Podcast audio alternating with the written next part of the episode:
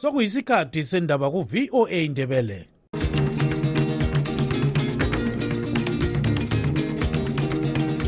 amatshono zihlobo siyalamukela kuhlelo lwethu lwezindaba eziphathelane lezimbabwe. Kustudio 7 eya voice of america sisakaza sisewashington dc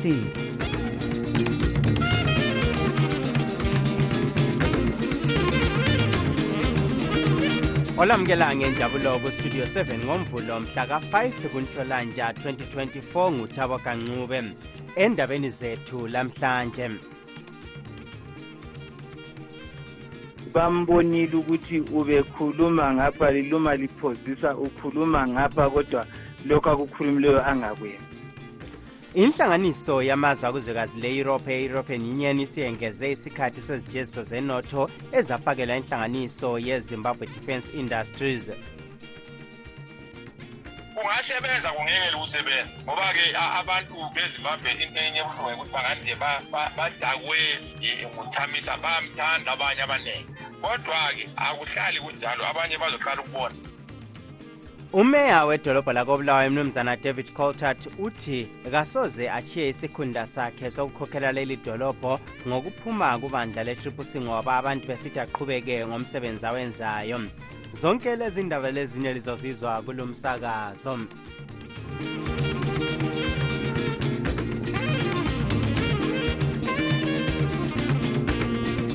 inhlanganiso yamazwe akuzwekazi le-europe e-european union isiyengeze isikhathi sezijeziso zenotho ezethulela inhlanganiso yezimbabwe defence industries.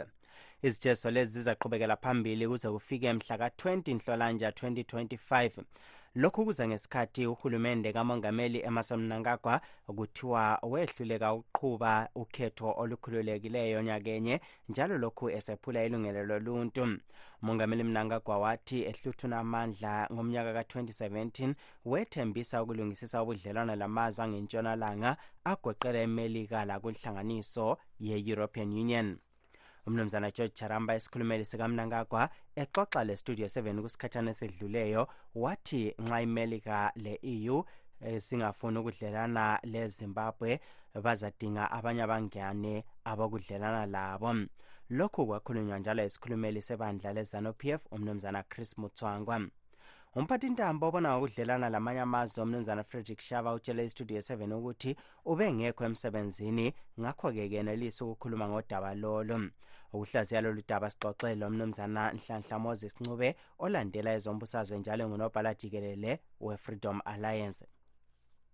Khona kufanele ukuthi kube yinto engaphathisa kodwa-ke ngendlela yokuthi eh impi yona leyo iyabe ingekho eh abantu ukuvinjwa kwabo kuba yinto elula ngoba futhi ayisibo bantu abazabe kumbe belwisana layo uhulumende ngaleyo ndlela kusuke kube ngathi usizo lwakhona luncinyane. Okuba kuhle kodwa yikuthi umbiko ufike kuhulumende ukuthi ubonakale nguhulumende ongaqondanga ongenzi izinto ngendlela eqondileyo njalo ongavunyelwa ukuthi aye aye embuthanweni yalaba benza kahle umongameli umnangagwa ngesikhathi engena eh okwakuqala 2017 esithi yena ufuna ukuthuthukisa ubudlelwano lamanye amazwe ikakhulu abe-eu lemelika. Nxa sikhangela izijeziso lezi kutshoni ngobudlelwano obukhona phakathi kwezimbabwe le-eu ye lokhu kutshengisa ukuthi lokhu sisesekusikhathi sikamgabi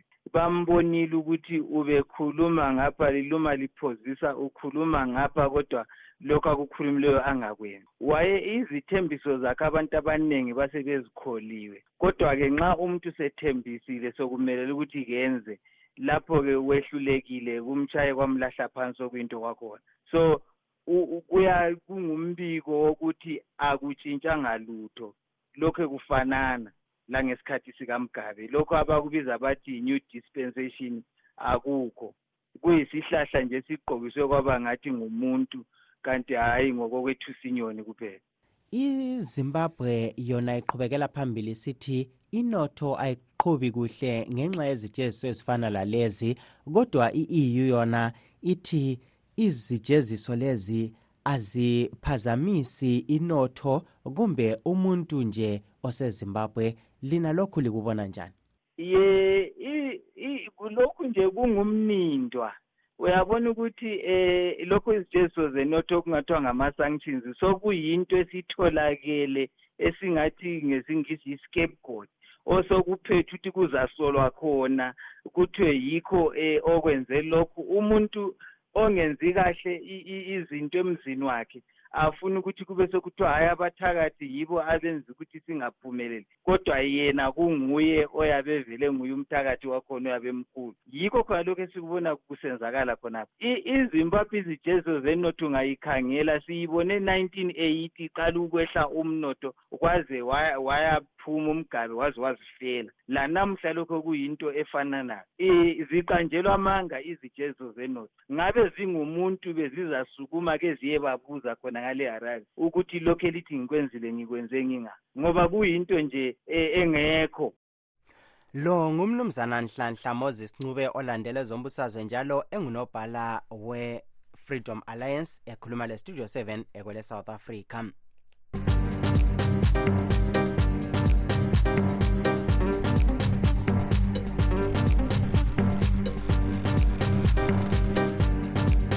Umeya wedolobho lakobulawayo umnumzana david coltart uthi kasoze achiye isikhundla sakhe sokukhokhela leli dolobho ngokuphuma kubandla le-triple c ngoba abantu besithi aqhubeke ngomsebenzi awenzayo njalo wakhuluma lwayekhokhela leli bandla umnumzana nelson chamisa ongazange athi achiye mnumzana coltart wayethe usakhulumisana lezakhamizi ngalolu daba engakathathi lesi sinqumo. Bambalwa ababe ngamalunga e-triple c asebechiye izikhundla belandela inyathelo elathathwa ngumnumzana chamisa njalo iningi lilokhu lisesikhundleni ephalamende kumakhansili lakusenate iningi libuke inyathelo leli elikamnumzana coltart yena othi lokhu kakwenzeli ukuthola inzuzo ngoba ivele ingekho lokhu kwenzakala abathi basebenza lo mnumzana chamisa abagoqela umnumzana gift siziba beqhube umhlangano emanikhaland izolo besazisa abantu ukuthi sokubunjwa ibandla elitsha. Ukuhlaziya lolu daba usithandekile mhlanga westudio 7 uxoxele engcwethe ecubungelezo umbusazwe umnumzana bernard abhekilizwe ndlovu owelwela amalungelo abafundi njalo owengumgcinisihlalo webandla le-alliance for people's agenda esouth africa. Ya uvele uyakwenza yena angithi kade kwenza ku-strategic ambiguity bagcina bekusebenzisa ukumnqoba. Akala kukhula eh okungamnikeza ukuthi enelise ukusebenza labantu ipolitiki ezombangazwe zifuna ukusebenza abantu behlanganisa amakhanda eh mncane kakhulu ukuthi abe eh nguntando kayiphiswa i-dictator eyenza okwengqondo yayo kuphela. Sokumkhulela nje sokuphezu kokwenelisa kwakhe. And if kuyaqhubeka kunje nje ekugcineni mhlawumbe sokungaba yinhlanhla ngoba abantu labo sebeyabona ukuthi um linto ayisebenzi bese bedinga mpela abaphikisayo abapheleleyo abafuna ukusebenza labantu ngezinye indlela uyazilimaza nje yena vele ngiyozilimazayo ekugcineni ukuthiwa ngesilungu uzidubule enyaweni it means ukuthi akasoze ayenelise ukugijima ma esezidubule unyawo. Manje lokhu-ke okokuthi athume abantu phambili ukuthi bayekhuluma labantu ukuthi sokuzaba lebandla elitsha. Ubona kusebenza yini umbe bekukuhle ukuthi kube nguye ozikhulumelayo? Hayi lapha nje uzenza ohlakaniphile ngokubona kwami ukuthi athi yena um wothi acashe a-check ukuthi abantu bathini. Um mbone ngani iplani yakhe icebo lakhe lokuthi ebesephuma-ke yena ma esezile ukuthi abantu bayakuvuma lokho.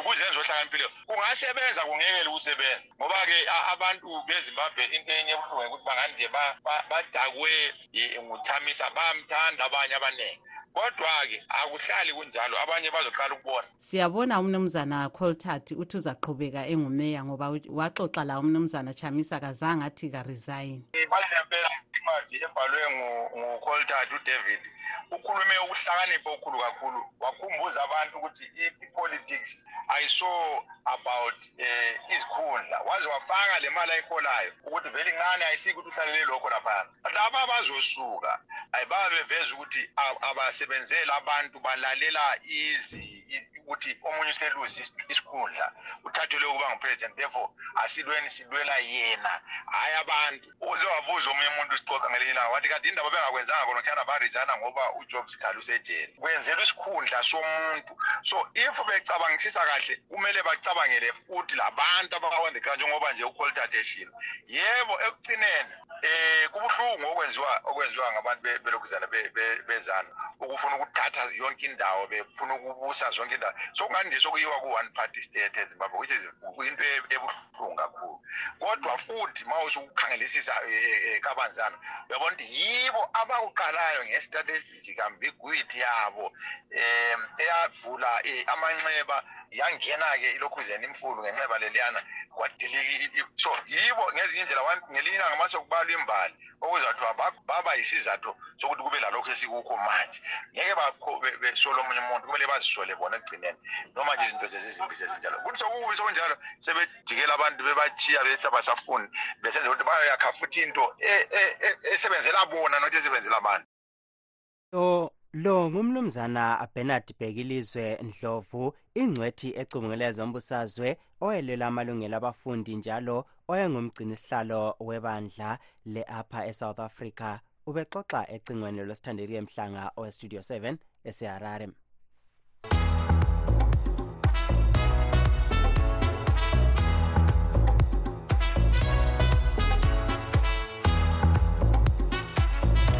Umthathandaba namuhla wethu lesigwebo sokuba umnumzana mnyaradzi anthony mwedzi wendira oyegcina amahofisi ezanup f kumele ahlawule amadola alikhulu kumbe avalelwe entolongweni okweminyaka emibili kulandela ukutshaya kwakhe umntakamongameli welizwe umnumzana tongayi mnangagwa ngesikhathi bebanga indawo yokugcina izimota zabo eharare okwakulomcimbi wokuzikholisisa okuthiwa ngokusomaligigi umantshi wedale le-magistrate court uthe umwedzi wentira wadala icala leli ekwazi ayekwenza ngoba wachaya lo mnumzana wellington venkesayi oyelinde umnankakwa kubikwa kwaba ababili laba bayazana. Igqwetha likamwedzi wentira umnumzana emmanuel samuntombe uthi uvumile amacala awetheswayo njalo kusasa uzabuyela emthethwandaba lapho abhekane lecala lokuthengisa izidakamizwa kusenjalo selahle icala eletheswa umkhokheli wenhlanganiso ye-amalgamated rural teachers union of zimbabwe umnumzana obert masaraure okuthiwa wayefuna ukugenqula uhulumende wezimbabwe. Wetheswa icala leli ngomnyaka ka-2019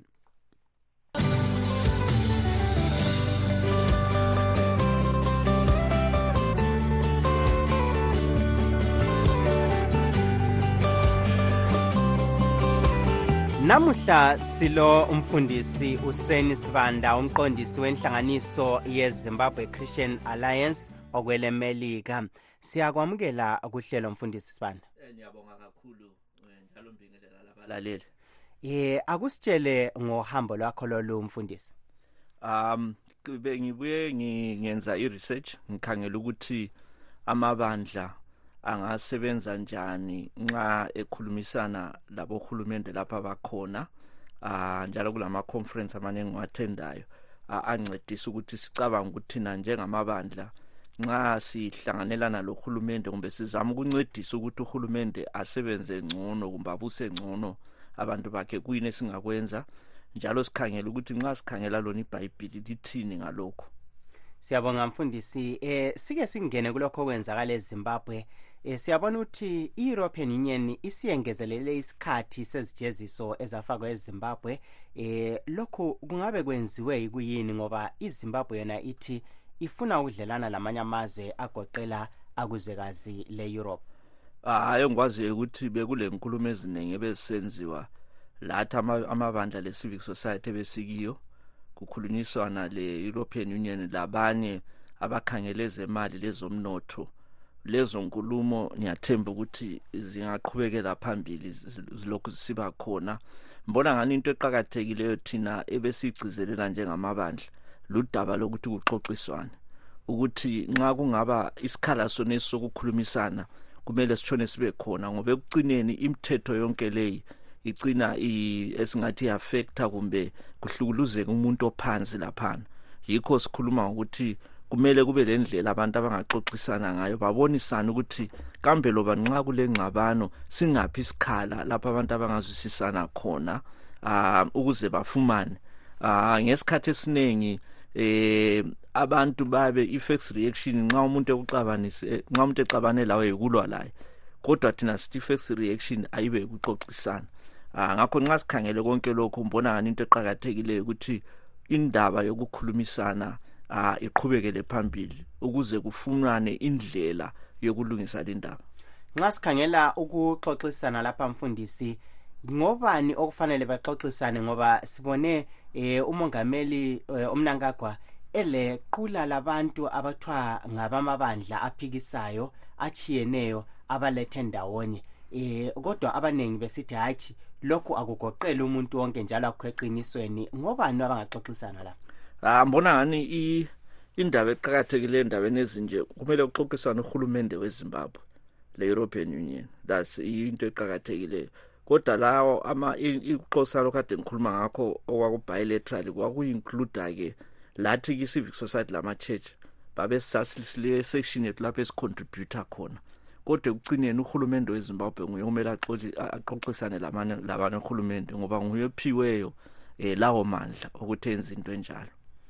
Sibona kulokuxokozela kubandla le-citizens coalition for change njalo umnumzana nelson chamisa eh ungani usefuna ukusungula elinye ibandla? Kungabe kusenzakalani laphana kwezombusazwe ah iproblem engathi khona umbudubo lukhona ukuthi izinto eziningi lezi sizibone bulenjini ah uyabungakwazi ukuthi kambe iqiniso kuyini? Um thina i-approach yethu njengama-church sifuna ukuhlala phansi sikhulume sizwisise sikhulume lo muntu.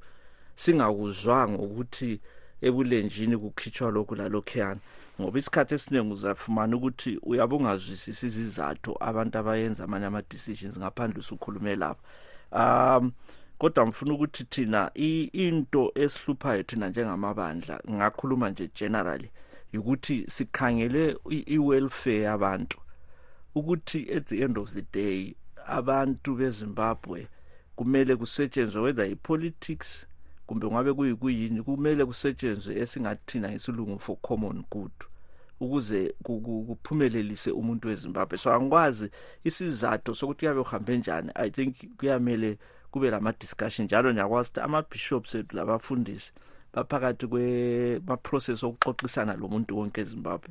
Siyabonga. Singakagqibi-ke sizwe imibono yakho ngezomnotho lokunye okubhekane labantu ezimbabwe ah into eqhakathekileyo ukuba iZimbabwe kumele ibe included ku-international community i-economy yethu ukuphakama kwayo.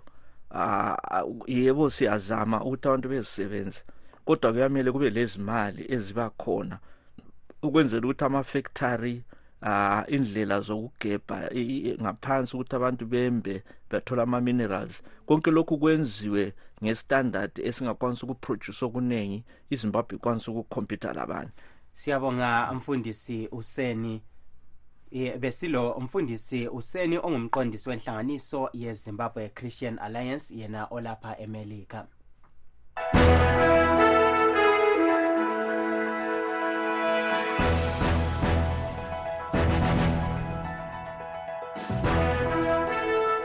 Singakangeni kusigaba esilandelayo sike sikhangele ezivela kwamanye amazwe ngamafitshane.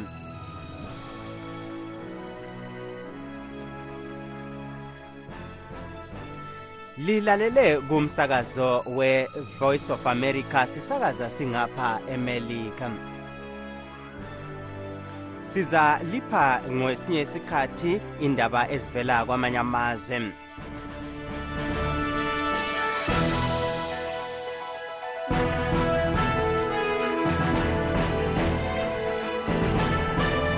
Izakhamizi ze-victoria falls zikhala ngokuvalelwa amanzi yikhansili. Zisithi lokhu ngokunye kwezizathu ezibangela ukuba umkhuhlane wohudo umemetheke ngamandla esigabeni sewange lapho othwalise nzima khona abantu.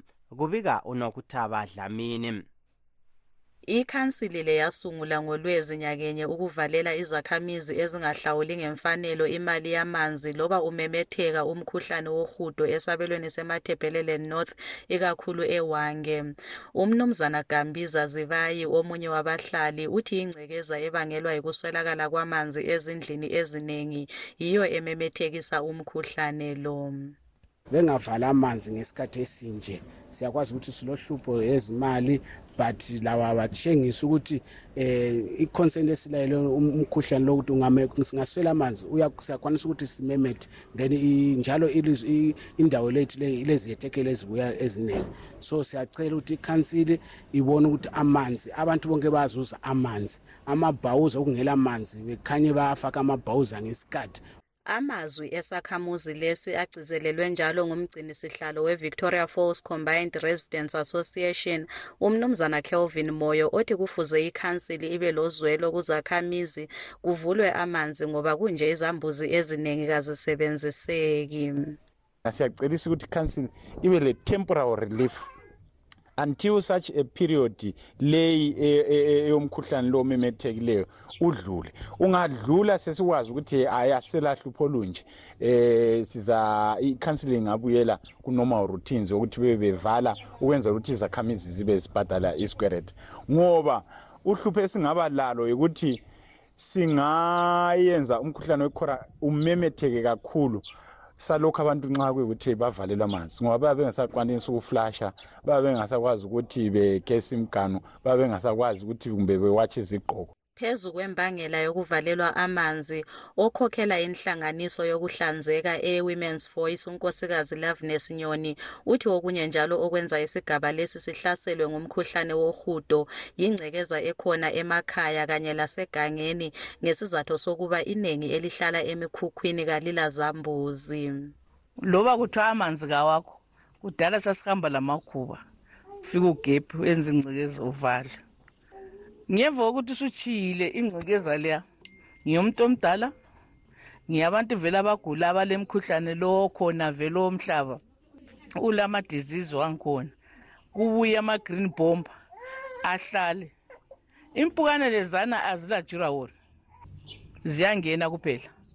Ikhorela ayilama-airvens kodwa ephendula kulesi sikhalazo sokuthi amanzi avulwe ezindlini kuhlanzeke usibalukhulu waleli dolobho umnumzana roni dube uqine ngelokuthi abasoze bevule ngesizathu sokuba izakhamizi zikweleda izigidi ezedlula ibhiliyoni yemali yakuleli.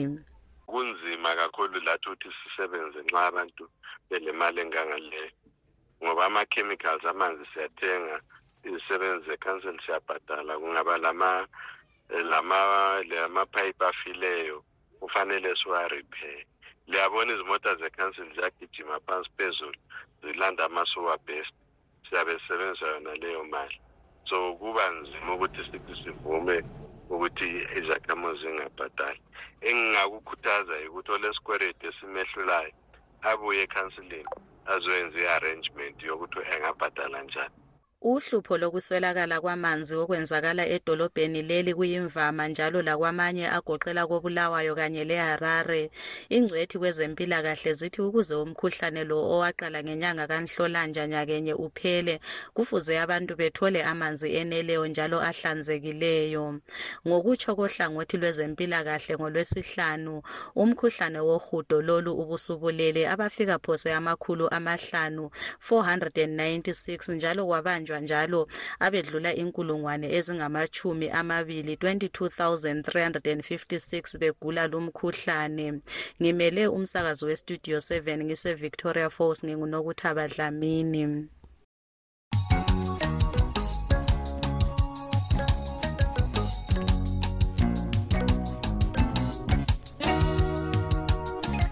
Induna ezabelweni zemathebelele north zithi azikhululekanga ukuzezwa uhlelo lokukhulumisana lozulu ngombhuqazo wegugurawundi zithi uhlelo lolu alukacaci kangako ngakho-ke kumele zikhokhelwe kahle nguhulumende ebambisana lenhlanganiso ezizimeleyo hatshi ukuba kuyebuzwa abantu abakhahlanyezwa yigugurawundi kuphela umbulali ezihlalele sizame ukukhuluma leziphathamandla zikahulumende ezimbalwa ngodaba lolu kodwa bezingaphenduli umakhalekhukhwini.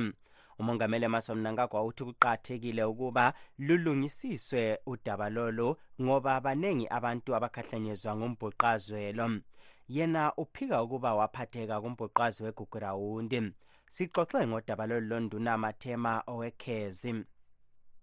Sisebenzise okwenziwa ngumhlaba nje wonke ngoba okuriveti wili lo ngibona ngani kuseceleni njalo izinduna zona bekufanele ukuthi nxa zihamba zisiya ebantwini bazo kumbe kuma-subjects azo zingahambi ukuthi zihamba ziyizinduna bekufanele zazifanele ukuthi zihambe zisiyanika ama-subjects azo i-confidence yokuthi njengoba uhlelo into yekugurawundi le sonke siyakwazi ihlale kakhulu ngaphansi kwekhapheti okwanamhlanje sokubekiwe ukuthi bephezu kwetafula okuthi abantu ukuthi bavuleke babengake bavuleke abantu. Nxa ukhangele i-composition ye-national peace and reconciliation commission babengeke bavuleke ukuthi baveze okungaphakathi kwabo ngoba kwakungabanye abantu ababe bevela engxenye.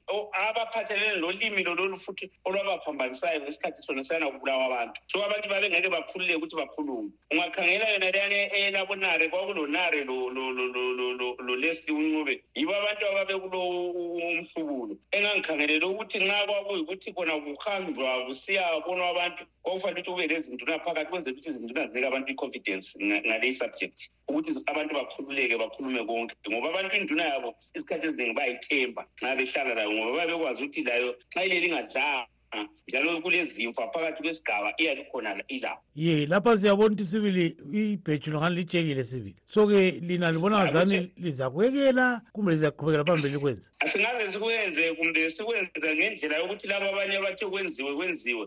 Kodwa kasoze kusinika ama-results afiswa ukuthi ilizwe lelatshwe ilizwe liyabe lisala ligula lizabe lisala liqhula liyabe lisala lilobuhlungu. Abantu bayabe befuthelene. Kuyabe kufanana nje lokuthi kasenzanga lutho. Siyabe sizame nje ukwenza izaba so manje nxa sesikhangele nduna kumele liqale nini uhlelo lolu? Njalo selikubeke njani konke khonokho um lapho kumele likwenze khona? Uhlelo lolu mina nxa ngibona ngamehlo ami okubona ukubona izinto ngibona engani kavele kasilo lezinduna ngoba into enkulu nxa kuyikuthi ngezinduna izinduna kufanele ukuthi by today ngabe sezikwazi ukuthi imalini ebekwe phansi ni-facts and figures ukuthi imali engaka imali ezaphiwa yona induna ngokwayo yimalini. Konke khona ukana kuyakufanele ukuthi kubekwe kube segcekeni ngoba kuyabe induna yabe isemsebenzini njalo umsebenzi lo kawulula. Is a traumatic job. Onke ngikhangelela ukuthi induna kuyabe kufanele ukuthi kube sokubekiwe ukuthi kudingakala imihlangano emingaki ngesigaba kumbe nge-village ngoba singakhumbula into leyi yegugurawundi yinto eyabantu abasebeluphele kakhulu. Abanye abanye bafuna ukulandwa one on one basis ukuthi labo bayikhupha okungaphakathi kwabo bangasanelisi ukuthi bamove from one point to the next point. So ngokunjalo kuyadingakala ukuthi kuphiwe isikhathi. Kumbe ngathi kufanele futhi ukuthi kube le-mobilization exercise eyokuthi kwazakala ukuthi induna ngelanga elingaka izabe ikhona endaweni engaka izahlala insuku ezingaki kuya khonapho ngoba ngambona ukuthi abantu nxa kuyikuthi i-village eyi-one normally iyabe idlula kubo-two hundred three hundred. Le yinduna umathema ekhezi ubexoxa logibbs dube westudio 7 esegwanda.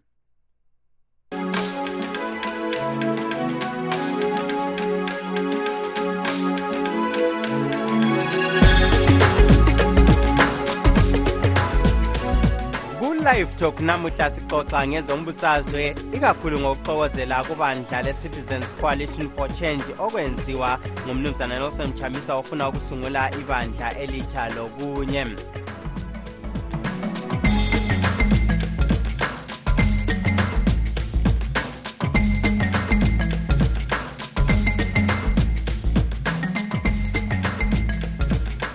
singakagqibi uhlelo lanamhlanje wothi sikhangele ebesilazo. Inhlanganiso yamazwe akuzwekazi le-europe e-european union isiyengeze isikhathi sezijeziso zenotho ezafakelwa inhlanganiso yezimbabwe defence industries ziyizijeziso ezimisa ukuthengwa kwezikhali lokunye ngenxa yokuthiwa kwephulwa kwelungelo loluntu ezimbabwe. Umeya wedolobho lakobulawa emnumzana david coltart uthi yena akasoze achiye isikhundla sakhe. Silugqiba-ke lapha uhlelo lwethu lanamhlanje olivalelisayo ngutabo kancube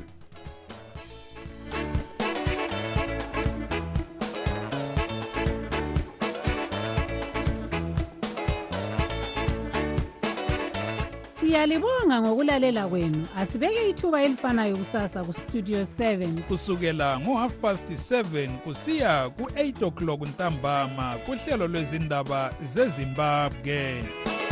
Tinotenda nekuteerera chirongwa chedu. Teererai zvakare mangwana kubva na7 p m kusvika na730 p m. Apo tinokupai nhau muririmi rweshona. Lilani. Murara zvakanaka mhuri